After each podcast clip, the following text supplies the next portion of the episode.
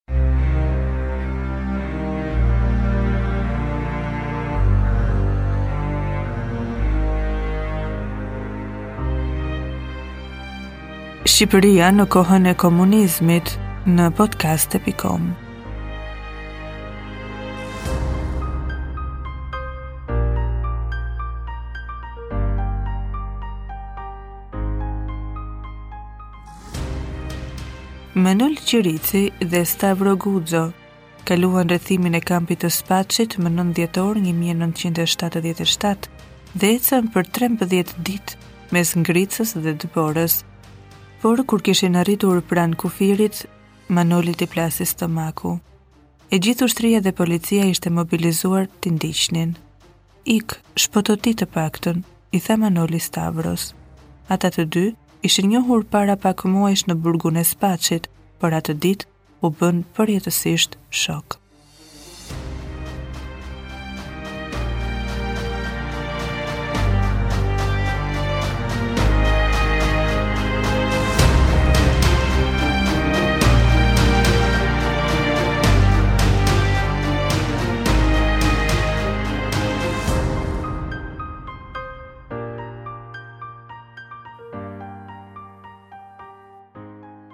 Mes 152 të dënuarve politikë që erdhën në kampin e Spaçit gjatë 1977-s, duke e çuar numrin e tyre në 877, derisa u kalua edhe kapaciteti i dy godinave, ishin edhe Manol Qirici dhe Stavro Guxo.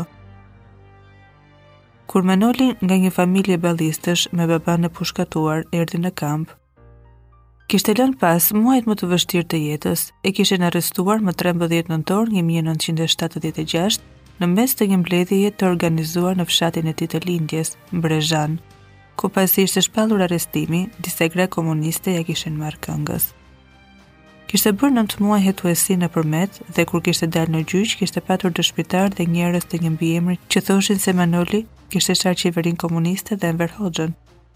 Kishte marrë dënimin prej 10 vitesh burg dhe ishte dërguar në Spaç të Mirditës. Po atë vit, 26 prill, ishte arrestuar dhe mësuesi Stavro Guxo, një minoritar grek nga Derviçani i Gjirokastrës. Akuzohej për tentativë arratisjeje, u dënua me tetëmbëdhjetë vite burg dhe u dërgua në Spaç. Ky ishte dënimi i dytë për Stavrin, që ishte dënuar katër vjet për agjitacion dhe propagandë në vitin një mijë e nëntëqind e shtatëdhjetë e tre. Me sa duket ata të dy u miqësuan shpejt, jo vetëm për të ndarë hallet, por edhe planet për arratisje, të cilat nuk mund t'i bashkoheshin çdo bashkëvuajtësi. Nuk mund të mos doje të ikje nga ai kamp i thellë ku punohej me norma në minierë, ku të drejtat nuk ekzistonin dhe shtypja ishte bërë më e rëndë pas revoltës së vitit 1973. Por pak ishin ata që e merrnin përsipër atë nismë me rrezik të lartë për jetën. Në vitin 1969, për shembull, siç tregon në librin e tij Burgjet dhe kampet e Shqipërisë komuniste, Kastriot Dervishi, nga i cili janë marrë dhe të dhënat për burgun e Spaçit, Kishin tentuar për t'u arratisur 15 persona, gjashtë prej tyre ishin kapur ose asgjësuar menjëherë, ndërsa nëntë të tjerët ishin kapur brenda 8 ditëve. Në vitin 1973, një të burgosur që po orvatej të arratisej dhe po kapërcente rrethimin e dytë, e qëllon ushtari i shërbimit duke e plagosur rëndë dhe i jepet gjoja një ndihmë sa për sy e faqe, por që nuk lëviste nga telat derisa vjen grupi hetimor nga Rrësheni. Imazhi i tij mbeti mbi tela në mendjen e të dënuarve edhe shumë pak kohë pasi i plagosuri u zbrit që aty. Megjithatë Manoli dhe Stavroja, guxuan. Arratisjet bëheshin gjatë ndërrimit të turneve, apo nga galeritë e minierës dhe gjithmonë në ditë dhe me mot të keq, me shi, borë dhe mjegull.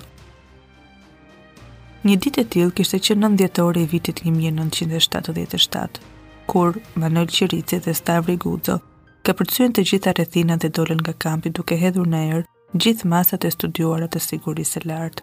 Ngjarjen e asaj dite dhe ditët që pasuan, i ka riformuluar për Kujto pikë al, djali i Manolit, Anastasi. Babai Manol Qirici, bashkë me shokun e tij Stavro Guzo, u arratisen nga burgu i Spaçit. Ka qenë një dimër i ashpër për atë vit, por si u arratisen nga burgu, filloi një borë e madhe. Policia dhe ushtria ishin në kërkim dhe e gjithë Shqipëria në këmbë. Po kalonin ditë dhe nuk po kapeshin. Ishte dita e 13 që ishin arratisur. Kishin arritur afër Kukësit. Babait tim i pëlcet stomaku dhe i thotë Stavros, ik më lër të vdes, ik shpëto ti të paktën, mos bjer në dorë të këtyre kriminelëve. Por Stavroja nuk e la dhe e mori në krah. Doli në rrugën automobilistike dhe u dorëzua te makina e parë e policisë që erdhi në drejtim. Njiheshin prej pak muajsh, por në atë çast nuk mund të kishte burra që të ishin më shumë shokë mes tyre.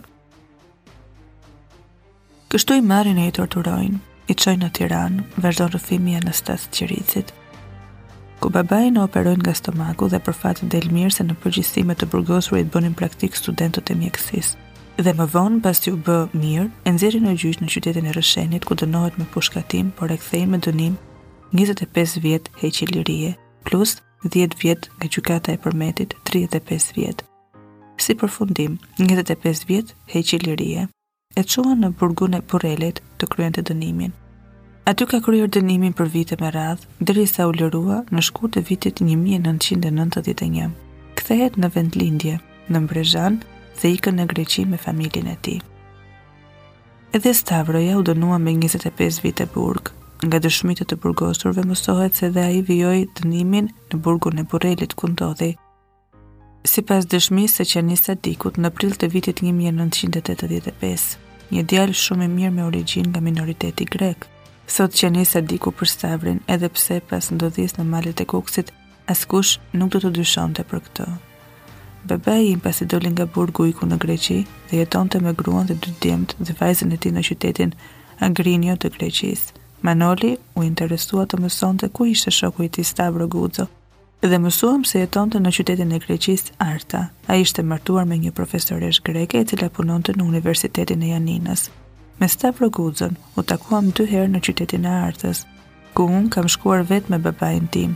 Nuk u takuam më sepse babai im, Manoli, pësoi aksident automobilistik me motor dhe vdiq në vitin një mijë e nëntëqind e nëntëdhjetë e dy, kurse unë u takova dy herë të tjera në qytetin e Gjirokastrës. Stavroja ishte ndarë nga gruaja greke. por kishte një vajzë dhe ishte martuar me një grua nga minoriteti. Kam mësuar se ka ndërruar jetë në vitin 2016 në Moskaboj dhe prehet në fshatin e lindjes, Derviçan të Gjirokastrës, shkruan Anastasi nga Gjermania. Edhe pse mund të thuash shumë për vitet e tyre të burgut ose të ngelesh pa fjalë, e sigurt është që atje gjetën shumë vuajtje dhe një shok të vërtetë.